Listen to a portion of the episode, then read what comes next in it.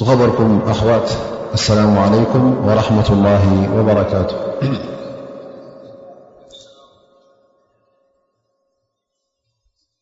لو معت درسنا إن شاء الله ية ملئ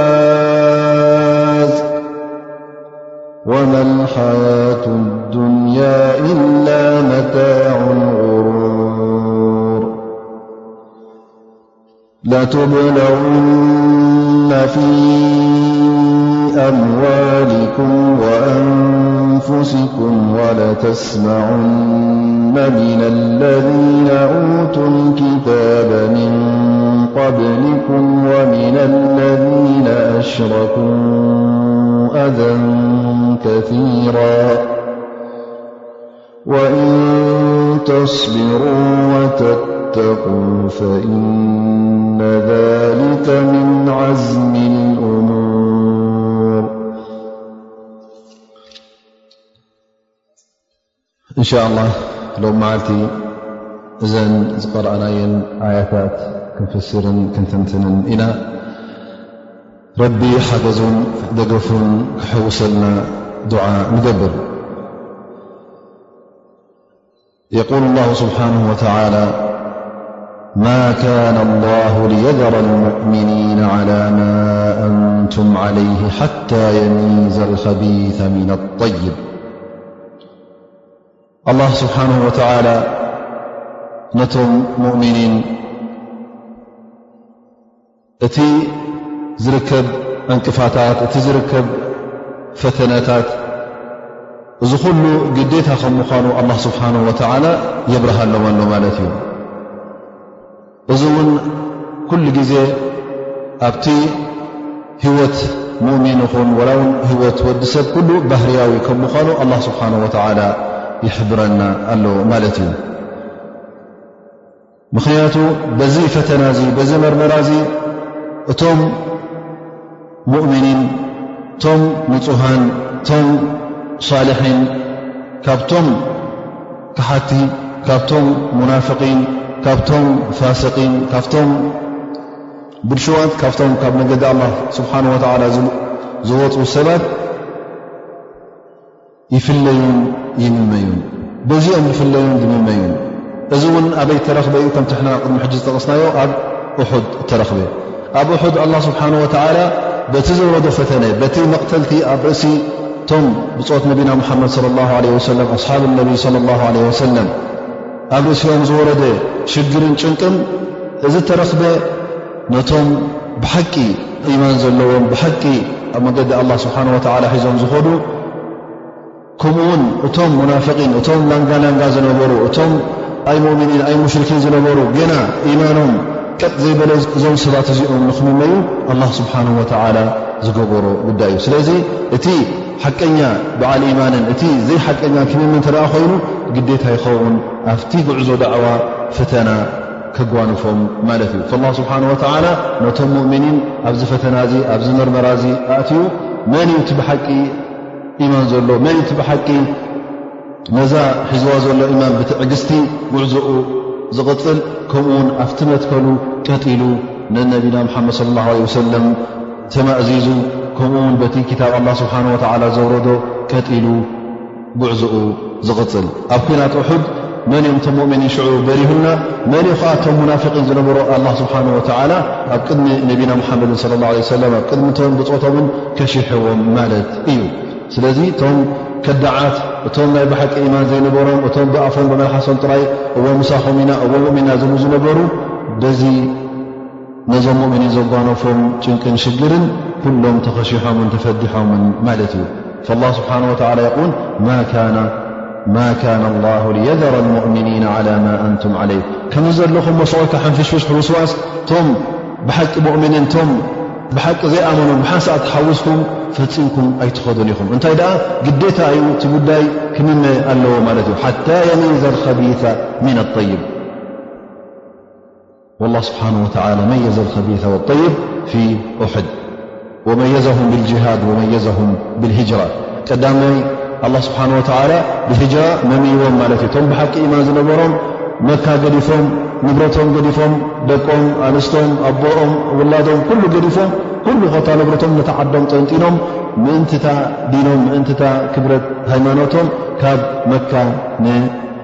መዲና ፈሊሶም ማለት እዩ ወይ ሃጂሮም ብድሕሪኡ ድማ ኣላ ስብሓን ወተዓላ ገና ኣብቲ መዲና እውን ሙናፍቒን ክርከቡ ስለ ዝጀመሩ ኣላ ስብሓን ወተዓላ እውን ነዞም ሙናፍቒን እውን መመንይ ገይሩሎም ህጅራ እንተዘይነበረ ብጅሃድ ፊ ሰቢላ ብኲናትን ብመቕተልትን ዝርከብ መመይ ገይሩሎም ማለት እዩ ሊዛሊክ ኣላ ስብሓን ወተላ እንታይ ይብል እዚ ክምመ እንተ ደኣ ኮይኑ ድማ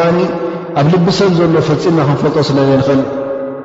ሰዋእን ነቢና ሙሓመድ ስ ሰለም ይኹን እቶም ኣስሓብ ነቢ ስለ ላ ለ ወሰለም ውን ነቲ ሙናፊቅ ከመይ ገይሮም ክፈልጥዎ ክእሉ ክፈልጥዎ ክእሉ ኣይክእሉን እዮም ሊዛሊክ ኣላ ስብሓን ወተላ እንታይ ኢሉ ወማ ካነ ላሁ ሊዩጥሊዓኩም ዓላ ልይብ ትብልቦም ዘሎ እቲ غይቢ እቲ ሕቡእ መን እዩ ሙእምን መን እዩ ሙናፍቅ ክትፈልጥዎ ኣይትኽእሉን ኢኹም ኣላ ስብሓን ወተላ እውን እቲ غይብ ናቱ ስለ ዝገበሮ እቲ ሕቡእ ነገር ብጀካ ኣላ ስብሓን ወተላ ዝፈልጦ ስለ ዘየለ እንታይ ገይሩ ግን ነዚ ነገር እዚ ነቲ ሙናፊቅ ዝኽሸሓሉ ሰበብ ገይርልኩም ማለት እዩ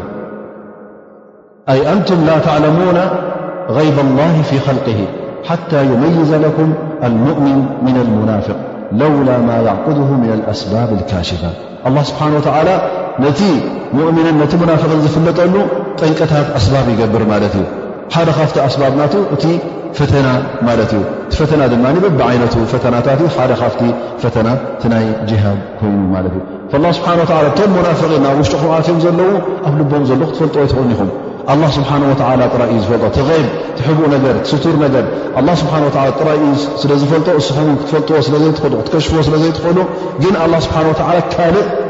መገዲ መኽሸፊ ነዞም ሙናፍቒን መኽሸፊ ገርልኩም ኣሎ እሱ ድማ እቲ ፈተና ይኸውን ማለት እዩ በዚ ፈተና እዚ እቲ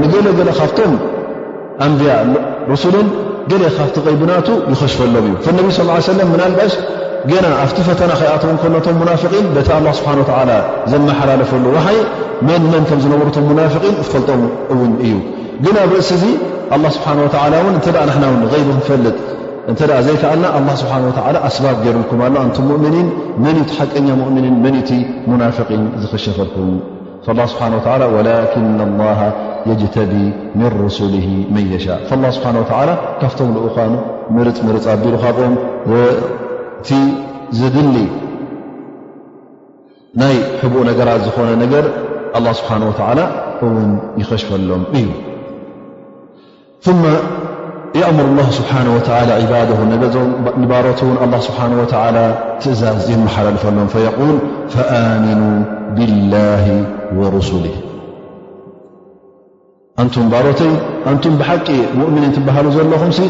ንኣላ ስብሓን ወተዓላ እመኑሉ ሓደ ከም ምዃኑ እመኑ ንኡ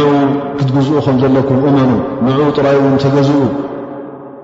ንኡ ጥራይ እውን ኣምልኹ ንካልእ ከተምልኹ እውን የብልኩምን ፈኣሚኑ ብላህ ኣይ ኣጢዑ ተማእዘዝዎ ገዛ ኣርሱቲ ምምእዛዝ እውን ዕባዳ ጣዓ ልላ ስብሓን ወተዓላ እዩ ሓደ ኻብ ኢማን ተበገሰ ጉዳይ እዩ ፈኣሚኑ ብላሂ ወሩሱሊ ወረሱሊ በለን ወይ እንታይ ደኣ ወሩሱሊ ኩሎም ምኽንያቱ እተ ብሓደ ኣሚንካ ብኹሎም ግዴታ ክትኣምን ኣለካ እተ ብሓደ ክሒድካ ድማ ንኹሎም ክሒድካዮም ማለት እዩ ምኽንያቱ እቲ ናይ ርሱል ቶም ናይ ኣንብያ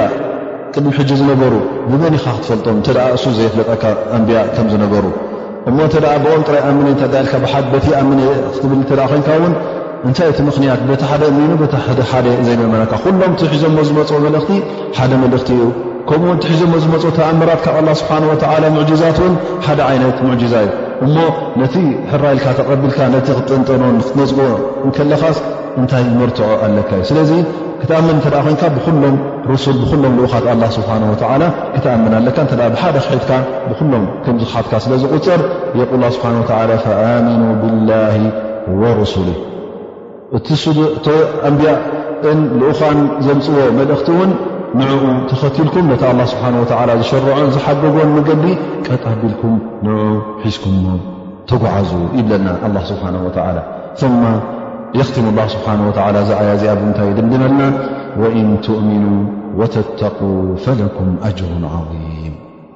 ኣንቱም ባሮተይ እንተ ደኣ ብሓቂ ኢማን ኣለኩም ኮይኑ እቲ ኢማንኩም ቀጥ ዝበለ ኢማን ኣብ ፈተና ነቀይ ዘይብል ካብ ፈተና ሰጊሩ ዝሓልፍ ኢማን እተ ኣለኩም ኮይኑ ተቕዋ ላ ስብሓ ወላ ካብ ኣላ ስብሓ ወላ እንትፈሩ እተ ኮይንኩም እሞ ኸዓ ነቲ ትእዛዛት ኣላ ስብሓን ወላ ቀጥ ኣቢልኩም ትሕዝዎ እሞ ኸዓ ዓዛብ ጀሃንም ናይ ጀሃንም ስቓይ ናይ ሓዊ ጀሃንም ናይ እሳት ጀሃንም መቕጻዕቲ ንኸይረኽበኩም ኣብ መንጎኹምን ኣብ መንጎኡ መከላኸሊ ትገብሩ እንትረኣ ኮንኩም እስኹም ኣንቱም ባሮተይ ዓብዪ ኣጅሪ ኣለኩም ዓብዪ ዓስቢ እዩ ዝፅበየኩም ዘሎ ኣብ ዮም ቅያማ ሕሉፍ ዝኾነ ዓስቢ ማለት እዩ ኣጅሩን ዓም ዓም ማለት ዝዓበየ ዓብ ጥራይ ኣይኮነ እተ ሕሉፍ ዓብይ ካብ ዓብ ላዕሊ ማለት እዩ ዓብይ ኣጅሪ ፅበየኩም ኣሎ ማለት እዩ እሱ ድማ እቲ ጀና ክትፍደን ከለኻ ቲ ዝበለፀ ፊዳ ወይከዓ ቲ ዝበለፀ ዓስቢ ረኺብካ ማለት እዩ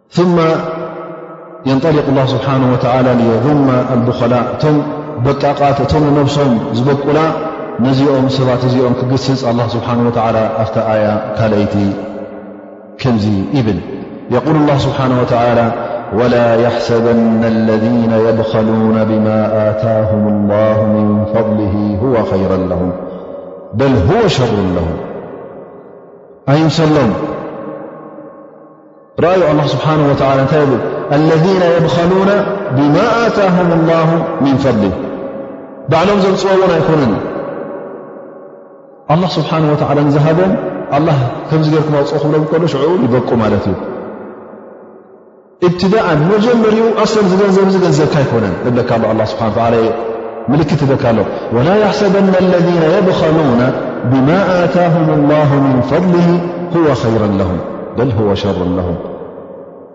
ስለዚ እቲ ገንዘብ ምእካብን እቲ ምጥማዕ እቲ ድቂ ጠቕመካ ይምሰልካ እንታይ ደኣ ብኣንፃሩ ንዓኻ ይጎድኣካ እዩ እዚ ጉዳይ እዙ ቀዳማይ ነገር ኣብቲ ድንካ ጎድኣካ ከምኡውን ኣብቲ ዱንያኻ ውን ክጎድኣካ ይኽእል እዩ ስለዚ እዚ ገንዘብኪ ካበይ ከምፅእካ ካብቲ ፈድሊ ላ ስብሓ ካብቲ ኣላ ስብሓንካ ዝሃበካ ፈድሊ እንድዩ እሞ ነቲ ዝሃበካ ጎይታ ንዕኡ ዘይተመስግነሉ እዚ ገንዘብ እዙ እሱ እንዲ ሂቡካ እሞ ስለምንታይ ትበቀሉ እሞ ኣላ ስብሓን ወላ ከምዝ ከምዚ ጌርካ ዘካት ሃብ ከምዝ ከምዚ ጌርካ ሰደቃ ሃብ ከምዝ ከምዚ ጌርካ ንመስኪን ሃብ ከምዝ ከምዚ ጌርካ ንየቲም ሃብ ከምዝ ከምዚ ጌርካ ንዳዕዋ ንሰቢልላ ኣጥፋኣዮ ገንዘብካ ክብለካ እንከሎስ እዚ ካብቲ ፈድሊ ናቱ ይጠልበካ ደሎ ካብቲ ናቱ ጸጋ እዩ ዝጠልበካ ዶ እቲ ባዕሉ ዝሃበካ ስለ ዝኾነ ከመይ ጌርካ ትበቅቕ ኢሉ ኣላ ስብሓን ወተዓላ የዘኻኽረና ኣሎ ማለት እዩ እዚ እውን ንዓኻ ጽቡቕ ኣይኮነን እዚ ድቂ እዚ ንዓኻ ክጎድኣካ ተዘይኮይኑ ጠቓሚ ኣይኮነን እንታይ ክገብረካ እዩ ዝገንዘብ እዚ እንተ በቒቕካ ከ ኣላ ስብሓን ወተላ ኣብዚ ኣያ እዚኣ ይሕብረካ ኣሎ ማለት እዩ በል ሁወ ሸሩ ለሁም ከመይ ማለት የቁል ላ ስብሓን ወተላ ሰዩጠወቁነ ማ በኪሉ ብሂ የውም ልቅያማ እቲ ኣብዛ ኣዱንያ በቒቕካ ሒዝካዮ ቀጥቀጥ እናበልካ ትእክቦ ዘለኻ ፅባሕ ንግሆ እዚ ገንዘብ እዚ ክሓንቀካ እዩ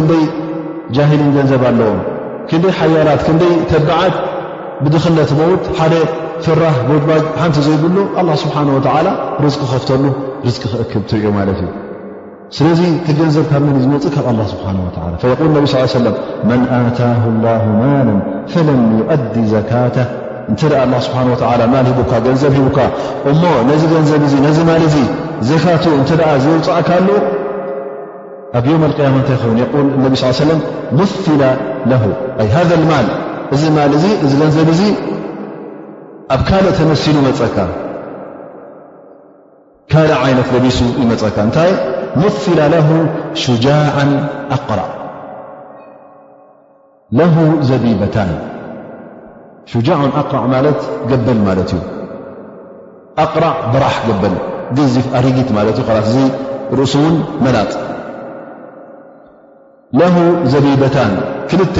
ነጥብታት ኣለዎ። ዘቢበታን ገለ ዑለማ ኢሎም ኣብ ልዕሊ ዓይኑ ክልተ ከበብቲ ኣለዎ፣ ገሊኦም ድማ ኣብ ትሕቲ መንካሱ እዩ ዘሎ ኢሎም። መቸም እዚ ገበል እዚ ክልተ ነጥቢ ከም ዘለዎ ኣብ ገፁ ማለት እዩ። ለሁ ዘቢበታን ከም ዘዩ ሕጂ ጸለምቲ ማለት እዩ ልክዕ ጠቢቐን ኣለዋ ማለት እዩ ኣብ ርእሱ እዚ ልክዕ እቲ ገንዘብካ በዚ መልክዕ እዚ ይቐርበካ ማለት እዩ ርዮ ሕጂ እቲ ገንዘብ ቀደም ፈቲኻዮ እንዲኻ ነርካ ገንዘብ ትፈትዎ ንኽትሪኦ ደስደስደስ ዝብለካ ነይሩ ላ ስብሓን ወላ ኣብ ዮም ቅያማ ሕጂ እንታይ መፀካ ኣለማ ደስ ዝብለካ ነዚ ዓይነት ገበል ኣብ ቅድሚኻ ክትሪኦ ከለኻ እንታይ ዓይነት ፍርሂ እዩ ክስምዓካ ነዚ ዝትቕበሎ ዶ ትሓቕፎ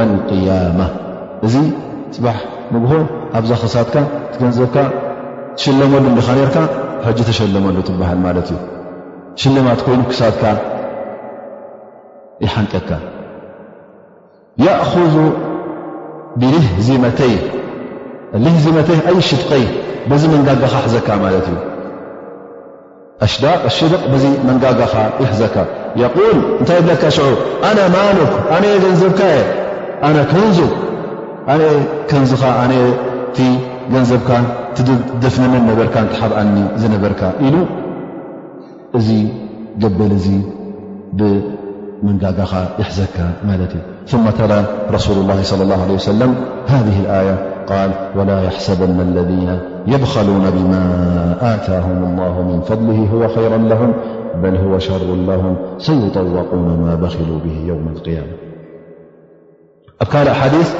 فيما رواه الإمام أحمد يقول النبي صلى ال عليه وسلم - ما من عبد لا يؤدي زكاة ماله إلا جعل له شجاع أقرع يتبعه يفر منه وهو يتبعه فيقول أانزأنا كنزك እታ ቀዳመይቲ ሓዲስን እታ ካልኣይቲ ሓዲስን ክጣብዓ ከላ እዚ ገና ከይርከቦ ከሎ ማለት እዩ ከይሓዞ ከሎ ኣነቢ ስለ ላ ሰለም እቲ ገንዘቡ ልክ ከምዛ ኣነቢ ስ ሰለም ዝበልዋ እቲ ገንዘቡ እቲ ዘካት ዘየውፅእ ፅባሕ ንግሆ እዚ ገንዘብ እዚ ሱጃዑን ኣቕራዕ ከምቲ ዝበላ ገበል መላጥ ገበል ኮይኑ ክቐርብ እዩ ደድሕሪኡ ክጎዩ ኣብ ዮም ልቅያማ ደድሕሪኡ ክመፅኡ ክሃድም ከይፍትን እቲ በዓል ገንዘብ ግን እዚ ገበል እዚ እናጎየ ኣነ ገንዘብካየ ኣነ ገንዘብካየ እናበለ እናጎየ ይመፅእ ማለት እዩ ኣብ መጨረሻ ክርክቦ እዩ ከምታ ቀዳመይቲ ሓዲስ ዝረኣናያ ክሓንክዎ እዩ ብመንካስኡ መንጋግኡ እውን ቀጥ ኣቢሉ ክሕዞ እዩ ብላዕሊ ክበልዖ እዩ ማለት እዩ ሰዚ እንታይ እዩ ዘርእየና ዘሎ ንሕና እንተ ተን ዘለዋኻ ገንዘብ እዛ ኣዱንያ ከተዐሽወካ የብላን ኣላ ስብሓን ወተላ ውን ተን ዘካት ክተውፅአን ዘገደደካ እንተ ምስቲ ዝውሃበካ ምስ ኣላ ስብሓን ወላ ዝሃበካ ገንዘብ ክትረኣዮ ከለኻ ወላ ሓንቲ ረብሓ የብለንን ካብ ምእቲ ክልተን ፈረቓን ኢኻ እተውፅእ ካብ ምእቲ ክልተን ፈረቓን እሞ እዚአንሲ ምስቲ ገንዘብ እንታይ ክኾና እየን ወላ ሓንቲ ክንዲቲ ክቁፀር ግን እቲ ወዲ ሰብ ኩሉ ግዜ ጠማዕ በጣቕ ስለ ዝኾነ ገንዘብ እውን እናበዝሐ ክኸይድ እንከሎ እቲ ምቅናእቲ እውን እናበዝሐ እዩ ዝኸይድ ምናልባሽ እቲ በዓል 1ተ00 250 እንታይ ኣለዉ ላ ብ ወፅ ኹን ላኪን እቲ በዓል 1ሰተ ሚልዮን 250 ሽ እተ ክኾና ኮይነን ዓቢ ዙሕ ንብል ሕጂ ማለት እዩ ስለዚ እቲ በዓል ገንዘብ ክበዝሕ እንከሎ ገንዘብ እናበዝሐ ከሎ ትበቂ እውን እናበዝሐ እዩ ዝኸይድ ስለዚ ኩላህና ክንጥንቀቕ ኣለና እንተ ደኣ ገንዘብና እኹል ኮይኑ ኒሳብ ዘካት ዝበሃል እንተ ደኣ ናይ ዘካት እኹል ኮይኑ ግዴታ ከነውፅእ ኣለና ገለገለ ሰባት ነዚ ዝርስዕዎ ኣሎ ኣነ እንታይ ኣለ ነድኻ ይብል ግን እታ ድኽነት ንስኻ ትብላ ዘለኻ ምናልባሽ ንኻልኦት ሃፍታም ትኸውን ስለዚ ኣላ ስብሓን ወላ ነቢና ሙሓመድ ስ ላ ሰለም እቲ ዘካት ክንደይ ከም ምዃኑ ካብ ክንደይ ከተወፅእ ከም ዘለካ እንተ ሃብትኻ ናይ ጥሪት ናይ ጠለባጊዕ ኮይኑ ካብ ኣርዓ ኣጣል እተ ኣለኻ ሓንቲ ከተውፅእ ካብኡ እናወሰኻ እናወስኻ ከመይ ኢሉ ከም ዝኸይድ ተሓቢርካ ኢኻ እንተ በዓል ከብቲ ኮይንካ ካብ ሰላ ካብ ኣርዓ እንታይ እንታይ ከም ዝወፅእ ተሓቢርካ ኢኻ እንተ በዓል ኣግማል ኮይንካ ካብ ሓሙሽተ ካብ ዓሰርተ ከምኡ እናበለ ኸይድ እንታይ ተውፅእ እንተ ዘይብልካ እውን በዓል ወርቂ በዓል ብሩር እንተ ኮይንካ እውን ክንደይ ግራም ከም ምዃኑ ገንዘብ እንተ ኮይኑ ብወርቂ ወይ ብብሩር ተመዛዚኑ ክንደይ ክተውፅእ ከም ዘለካ ክንደይ እተ በፅሑ እዩ ዓመት እንተገይሩ ክንድዝን ክንድዝ ከተውፅእ ከም ዘለካ ነቢና ሓመድ ለ ላ ለ ሰለም እዚ ኩሉ ኣብሪሆም ከይዶም እዮም ስለዚ እቲ ሃፍታም ምዃንካን ድኻ ምዃንካን እስኻ ይኹንካ ትውስኖ እንተ እቲ ንሳብ ዘካት እኹል ንዘካት ዝኣክል በፂሑ እተ ኮይኑ ገንዘብካ ግዴታ ክትጥንቀቕ ኣለካ ክትርሶ የብልካ ገለገለ ሰባት ረሲዖም ሓንሳእ ትገንዘብ ንኣብነት ገዛ ክሰርሓሉ እተ ሓስብ ኣሎ ኮይኑ ምስ ቐመጦ ክቐመጥ ዓመት ዓመት ክውስኸላ ድኣ እምበር ቅርሺ ክንክየላ ኣይደልን እዩ ስለዚ ይርስዑ ዘካት ከም ዝውፃእ ገዛእ ርእሱ ይርስዑ ማለት እዩ ብሕልፊ ተነሕዋትና ደቂ ኣንስትዮ እቲ ናይ ዘካት ሰብኡ ጥራይ ዋጅብ ይመስለን ሰብኣይ ክርውፅ ጥራይ ዘለዎ ይመስለን ማለት እዩ እንተ ገንዘብ ኣለዋ ኮይኑሳ ሰሪሓ ኮይና ኣምፅኣቶ ወላ ውን ሰብኣያ ዝሃባ ሰዳቕ እቲ መሃር ዝሃባ ይኹን ወይ እውን ካልእ ካብ ኣቦኣ ዝወረሰቶ ገንዘብ እንተ ኣሎ ኮይኑ እዛ ሰብ እዚኣ በቲ ማላዊ ጉዳያ ንበይና ስለ ዝኾነት እሳ እተ ካብቲ ገንዘባ እኹ እተ ኮይኑ ግዴታ ከተወፅእ ኣለዋ እምበር ሰብኣይ ዘካ ክህብ ኣሎ ኢላ እሳ ስቕ ክትብል የብላን ምኽንያቱ ማላ ንበይኑ ዩ ማል ናይ ሰብኣያ ንበይኑ ዩ ፅባሕ ንግሆ ኣላ ስብሓን ወተዓላ ንዓኣ እተ ገንዘብ ኣለዋ ኮይኑ ሓ ገንዘብ ዘይብላ እተ ኮይና እዛ ሰብ እዚኣ ኣላ ስብሓን ወተዓላ ኣይሓታን ግን ክትጥንቀቕ ኣለዋ እታ ትሰርሕ ኮይኑ ዘይትሰርሕ ኮይኑ ገንዘብ እንተ ኣሎ ኮይኑ ኩሉ ግዜ ክሕተት ኢኻ ኣይኮነን ዶ ክንዲ ሰብ ዝኣኸለ ሰብ ወተባዕታይ ኮይኑ ጓል ንሰይቲ ወላ እውን ገንዘብ ናይ የቲም ኣቦኡ ዝገደፈሉ እንተ ንዘካት ዘብቅዐ እንተ ኮይኑ እቲ ገንዘብ እዚ ገንዘብ እዚ ግዴታ ዘካት ክወፅ ኣሎ ወላ እውን እቲ በዓል ገንዘብ ንእሽተይ ቆልዓ ይኹን ወላ እውን ፅሉል ይኹን ንኽሰግድ ንኽፀውም ኣይግደድን እዩ ግን ዕለማ እብሉ እቲ ዘካት ኣብቲ ገንዘብ ስለ ዝወጀበ እቲ ግዴታ ነቲ ገንዘብ እዩ ዘርእዮ ዘሎ ስለዚ ካብዚ ገንዘብ እዚ ዘካት ክወፅእ ኣለዎ ኢሎም ተቂሶም እዮም ስለዚ ኩላህና ክንጥንቀቕ ኣለና ብዛዕባ እዚ ጉዳይ እዚ ርኢኹም ኣለኹም እቲ ነቢና ሓመድ صለ ላه ለ ሰለም ዝሓበሩና ከምዛ እዛ ኣያ ትብሎ ዘላ እንተ ደኣ ካብዚ ገንዘብ ዘየውፃእካ ፅባሕ ንግሆ እዚ ገንዘብ እዚ ብኡ ክትሕነቕ ስለ ዝኾንካ ኣብ ዮም ቅያማ እሞ እንታይ ገድሹካ ነዘን ቁሩብ ጨነውቲ ገንዘብ ንዕን ካብ ምድርባይ ኣብዘይ ሽግርካን ኣብዘይ መዓትካን ትኣቱ ثመ የقሉ ላه ስብሓን ወተላ ነዛ ኣያ እዚኣ ምስ ሓበረና እቶም ገንዘቦም ቀዳማይ ነገር ኣላ ስብሓን ወተላ ከም ዝሃቦም ጠቒስና ነርና ማለት እዩ ካልኣይ ነገር ኣላ ስብሓን ወተላ እንታይ ይብላ ኣሎ እዚ ገንዘብ እውን ነባሪ ኣይኮነን ምሳኻ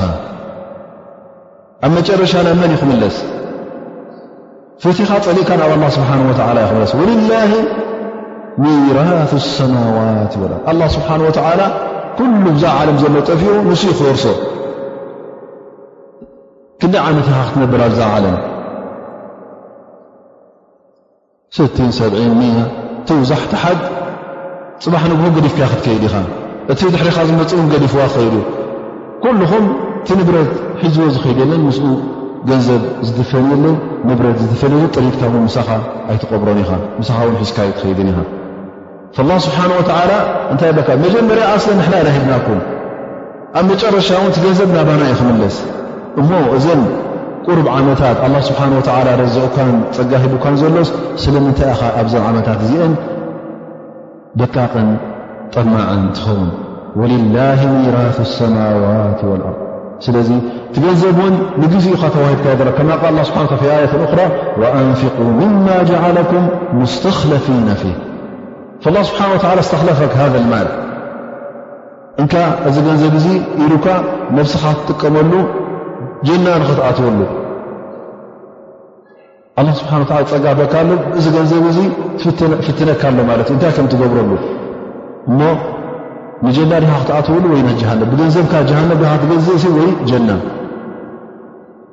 ገለ ሰባት ብገንዘቦም ጀሃንም ዝገዝኡ ኣለዉ፣ ገለ ሰባት ድማ ብገንዘቡ ጀና ዝገዝእ ኣሎ እሞ ካበየኖት ከም ምዃንካ ንነብስኻ ሕተታ። ስለዚ ኩሉ ነገራት ናብ ኣላ ስብሓን ወተላ ዩ ክምለስ ወልላ ሚራፍ ሰብ ኣላ ስብሓን ወተላ ዩ ክበርሶ ንዕኡ ዩ ክትርፍ ሒዝካያ ትኸይድ ነገር የብልካን ገንዘብ ይኹን ካልእ ጉዳይ እኹን።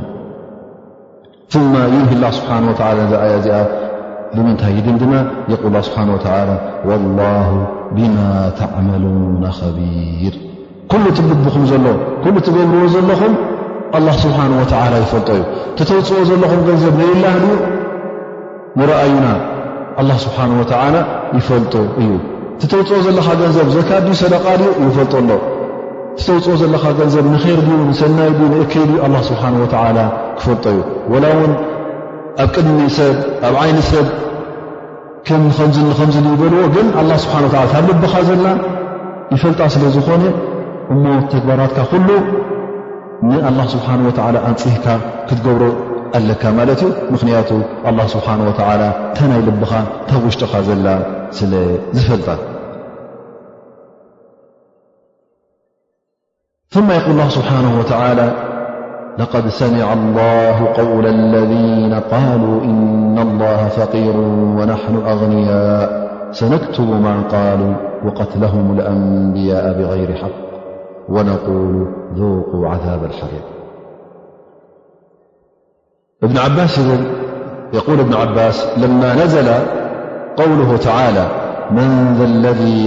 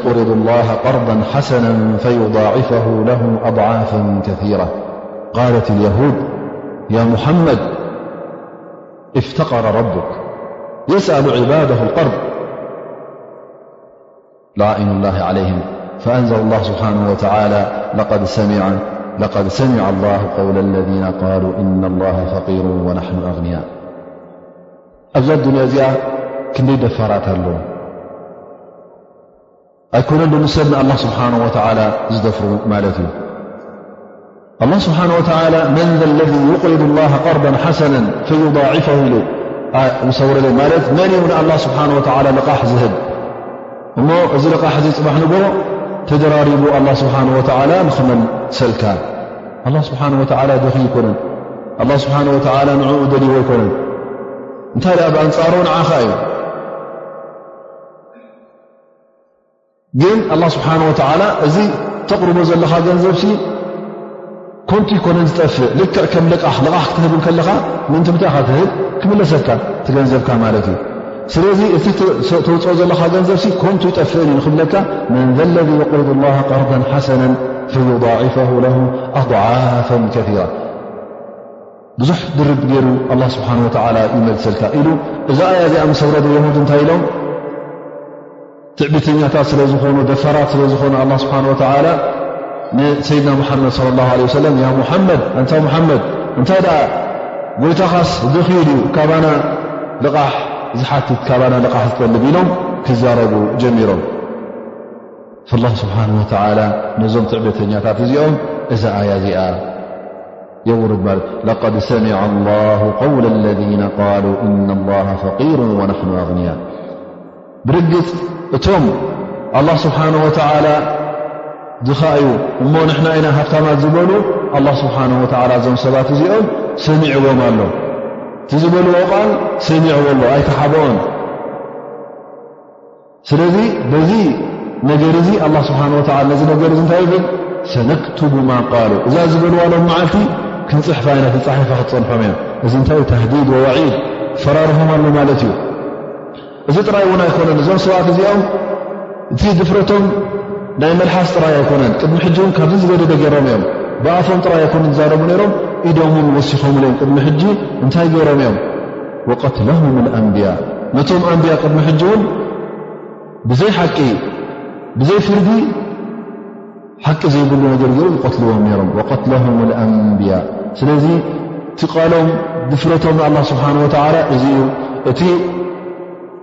ግብሮም ውን ነቶም ልኡኻት ኣላ ስብሓን ወተዓላ ይቐትሉ ነይሮም ስለዚ ነዞም ሰባት እዚኦም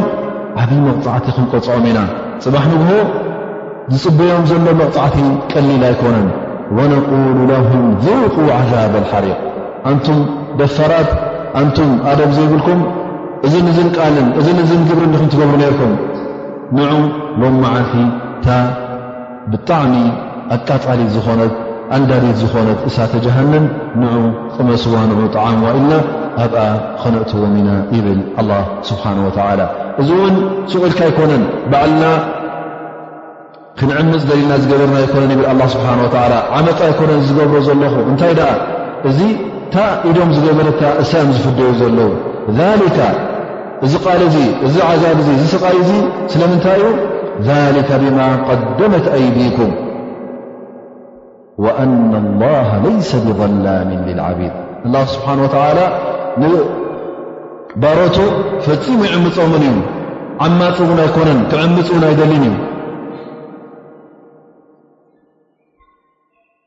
እንታይ ደኣ እታ ዝገበርካያ ፅባሕ ንግሆ ክትፀልሓካ እያ ኣላ ስብሓን ወተዓላ ፍፁም ፍትሐኛ እዩ ስለዚ እዚ እትረኽብዎ ዘለኹም እሳት እዚ እትረኽብዎ ዘለኹም ስቓይ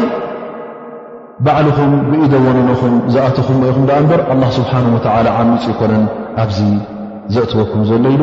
ኣላ ስብሓን ወተዓላ እንደገና ኣብ ዮም ቅያማ እውን በዚ ቃል እዚ ክግስፆምን ክገንሖምን እዩ በዚ ቃል እዚ እውን ውርደተኛታት ክገብሮም እዩ ምኽንያቱ ኣብቲ መዓልትቲ እዚ ቃላት እዚ እንተ ክትሰምዕ ኮንካ ተዋሪድካ ማለት እዩ እንታይ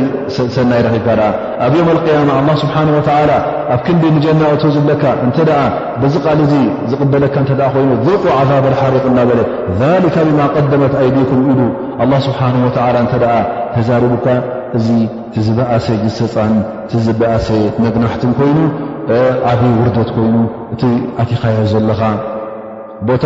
ቦታ ውርደተኛታት ቦታ ጥፉኣት ይኹም ይኸውን ብድሕሪ እዚ እውን ኣላ ስብሓን ወተዓላ እቶም ኣይሁዳውያን ዝብልዎ ዝነበሩ ቃላት ነቲ ሓቂ ክነፅጉ እንከለዉ ኩሉ ግዜ ጥራይ ነቲ ሓቂ ምንፃግ ኣይኮነን እንታይ ደኣ ኣብ ርእሲ እንታይ ወስኹሉ ነይሮም ሓሶት ክነፅጎ እንከለዉ ብሓሶት እዮም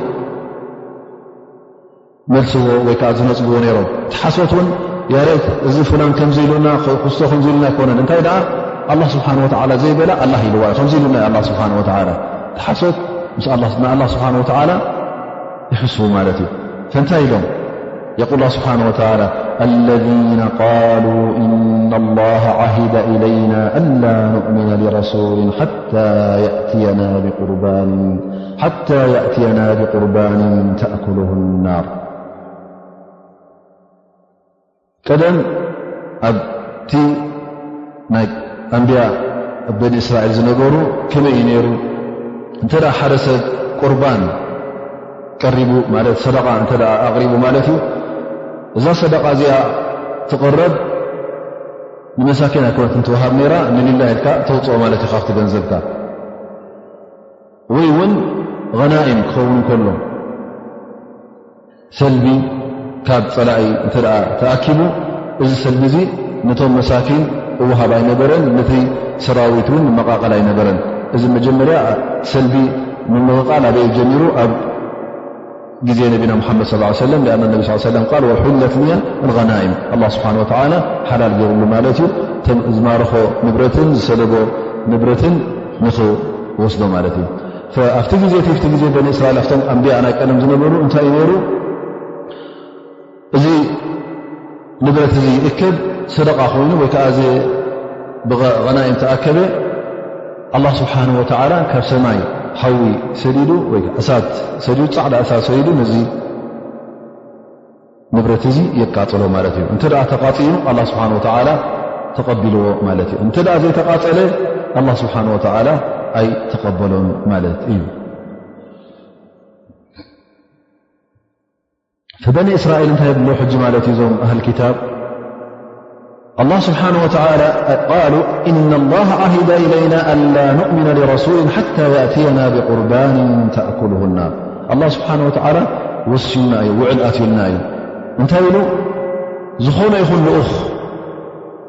ክትኣምኑ እተ ኮንኩም ልኡኽ ኣላ ከም ምዃኑ ክትኣምኑ እተ ኮንኩም ግዴታ እዚ ልኡኽ እዚ ቁርባን ከምፅእ ከሎ ቁርባን ሰደቃ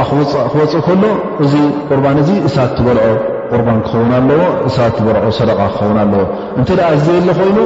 ኣይትእመኑን ኢሉና እዩሞ ስለዚ ያ መሓመድ ንዓኻ ኣይንኣምነልካ ኢና ኢሉ ብማት እዩ ነፍሲ ሽ ኣብ ግዜ ሰይድና ዒሳ እውን እዚ ሙዕጂዛ እዚ ኣይነበረን ቅድሚኡ ዝነበረ እዩ ስለዚ ግዜ ሰይድና ሙሓመድን ሰይድና ዒሳን እዚ ይነበረን ማለት እዩ ስለዚ ንሕና እዚዩ ዘየእመነና ብለዎ ማለት እዩ ላኪን ኣላ ስብሓን ወተላ ኩሉ እቲ ታሪኮም ይፈልጦ እዮም መን እ ክዕሹ የቁል ላ ስብሓን ወተላ ቁል ኣያ ሙሓመድ ከምዚ ኢልካ መልሰሎም እዞም ሰባት እዚኦም ሓሶትን ክሕደትን እንዲኦም ብሓደ ፀንቢሮም ኣቕሪቦምዎ ዘለዉ ቀዳማይ ነገር ቁል ያ ሙሓመድ ቐድ ጃእኩም ሩሱሉ ምን ቐብሊ ቅድመይ ክንደይ ኣንብያ ክንደይ ልኡኻን መፅኦምኹም እንዲኦም እዞም ልኡኻት እውን በቢ ዓይነቱ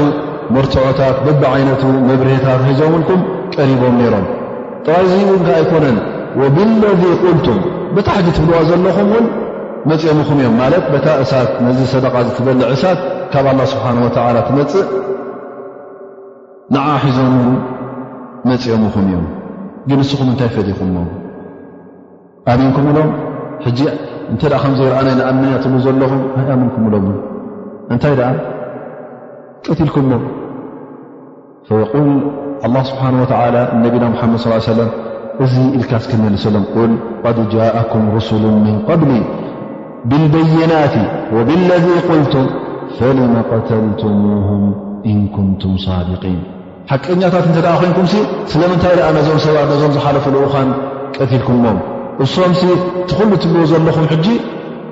ካብኡ ዝያዳ እውን ካልእ መብርህታት ሒዞምልኩም መፅኦም ነይሮም ግን ኣይተቐብልኩምዎም ስለዚ ትኽሕደት ጠባይኩም እዩ ትኽሕደት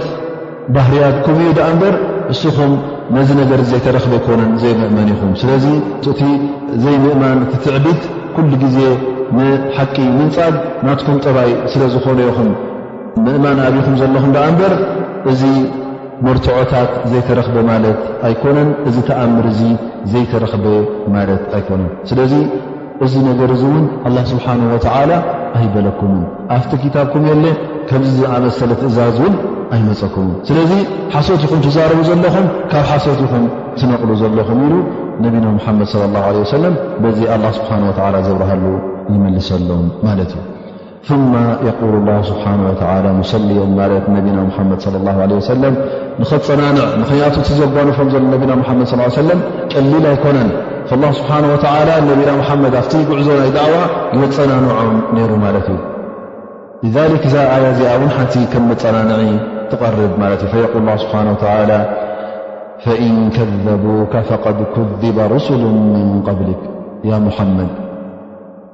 እንተ እዞም ሰባት እዚኦም ነፂጎምኻ ምቕባል ኣብዮሞቲ ዳዕዋኻ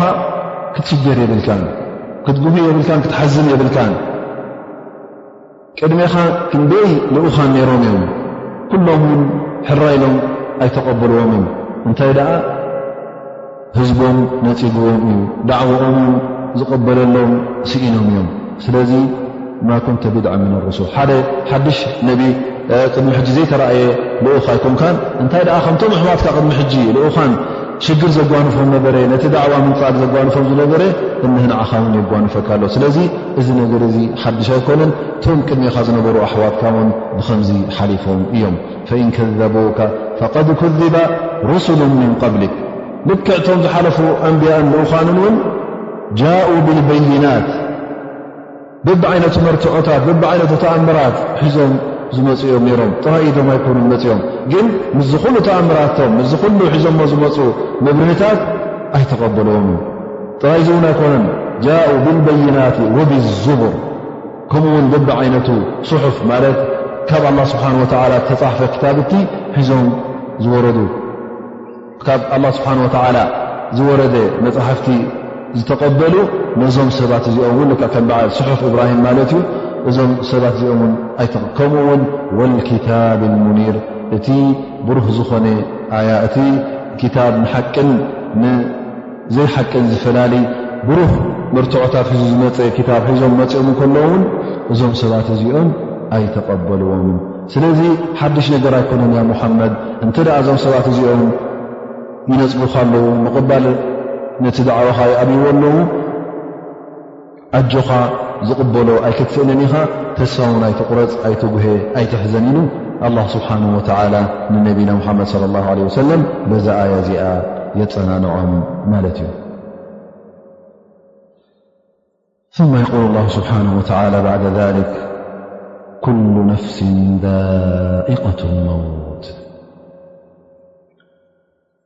እዚ ጉዳይ እዚ ኩሉ ወዲ ሰብ ክፈልጦ ዘለዎ ኣብ ልቢ እውን ክኣምኖ ዘለዎ ጉዳይ ከም ምዃኑ ኣላ ስብሓን ወተዓላ ይሕብረና ኣሎ ማለት እዩ እዚ እውን ኩላህና ንኣምነሉ ንኸውን ካሓዲ ይኹን ወላ ሙእምን ይኹን ወላ ካፍር ይኹን ኣነስ ኣይመውትን እየ ብዛ ዓለም ዝብል የለን ፈፂሙ ግን እቲ ተግባራቱ ክትርኢ ከለኻ ዝመውት ኣይመስልን እዩ ኣላ ስብሓን ወተዓላ ንኹሉ ዩ ዝነግር ዘሎ ሓፈሻዊ ወረ ዩ ዝነዝሓልና ዘሎ ማለት እዩ ንኹሉ ፍጡር ዘርኢ ማለት እዩ ኩሉ ነፍሲን ዛኢቀት ሞት ዝኾነት ነፍሲ እታ ሞት ክትጥዕማ እያ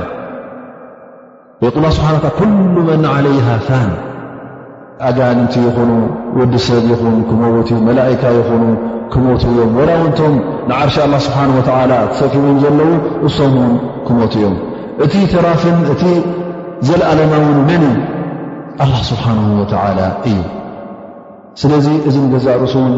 ነቲ ሙእሚን እውን መፀናንዒ እዩ ንበይንኻ ኣይኮንካን ትመውት ኣንታ ሙእሚን ኩሉ ክመውት እዩ እቶም ሳልሒን እቶም መገዲ ኣላ ሒዞም ዝኸዱ እቶም ብፁኣን ክሞት እዮም እቶም ፋስቂን እቶም መገዲ ረቢ ዘይፈልጡ እቶም ርኹሳን ክሞቱ እዮም ከምኡ ውን እቶም ሙጃሂዲን ፊ ሰብልላ ኢሎም ዝወፁ ልላ ኢሎም ዝቃተሉን ዝዋግኡን ዘለዉ ክሞቱ እዮም እቶም ቃዒዲን እቶም ኣይንቃለሲና ከይንመውት እዮም ዝፈርሁ ኣብ ገዝኦም ኮፍ ዝበሉ ኣብታ ኣዱንኦም ኣብታ ስርሖም እታ ወዚፎኦም ኣብታ ኣብኣ ኮፍ ዝበሉ እውን እሶም ውን ክሞቱ እዮም ከምኡውን እቶም ዓቂዳኦም እቶም ኢማኖም ሒዞም ንሓስ እዚ እምነትና እዚ መርገፅና ኢሎም ኣብ ኩሉ መዳያት ዝዝርግሑ ዘለዉ እሶም ውን ክሞቱ እዮም እቶም ፈራሃት ውን መትከሎም ዘየነፀሩ ምእንቲ ደቂ ሰብ ኢሎም ሙጃመላ እናገበሩ ዝኸዱ እዚኦም ውን ክሞቱ እዮም ተባዓት ውን ክመቱ እዮም እቶም ተባዓት እቶም ውርደትን ፅቕጠትን ዝነፅቡ እዞም ተባዓት እዚኦም ነታ ሓቂ ክሪእዋ ከለዉ ሓቂ እያ እታ ጌጋ ክሪእዋ ከለዉ ጌጋ እያ ኢሎም ዝዛረቡ እዚኦም ውን ክመቱ እዮም እቶም ፍራሃት እውን እታ ኣዱንያ ናይ ሓያት ኣዱንያ ዝኾነ ትኹን ወላ እውን ኣብ ትሕቲ ሰብ እናነበሩ እናተረገፁ ከለዉ እናተዋረዱ ከለዉ ንሕናስ እታ ዱንያ ከይትኸደና ኢሎም ዝፈርህውን እዞም ሰባት እዚኦም እታ ዱንያ ኣይክነብርዋን እዮም ኩሉ ክመውት እዩ ታፍልሊ ግን ኣብያ ዘላ ሓጂ ኣብያ ዘላ ኣብታ መቐፀልታ ናይ ዛኣ እዩ የቁል ኩሉ ነፍሲ ዛኢቀት ሞት ወኢነማ ትወፈውና ኡጁረኩም የውም ልቅያማ ኩሉኻስ ክትመውት ኢኻ ታሒዝካ ትመፅእ ግን እንታይ እያ እንታይ ዩ ክፀልሓካ እንታይ ካሕሊፍካ ዘለኻ ኩሉና እታ ፅዋእ ናይ ሞት ክንሰትያ ኢና እዚ ቅቡል ክኸውን ኣለዎ ኩሉ ክኣምኑ ኣለዎ ዘጠራጥር ነገር እውን ኣይኮነን ግን እንታይ ሒዝካ ከትካ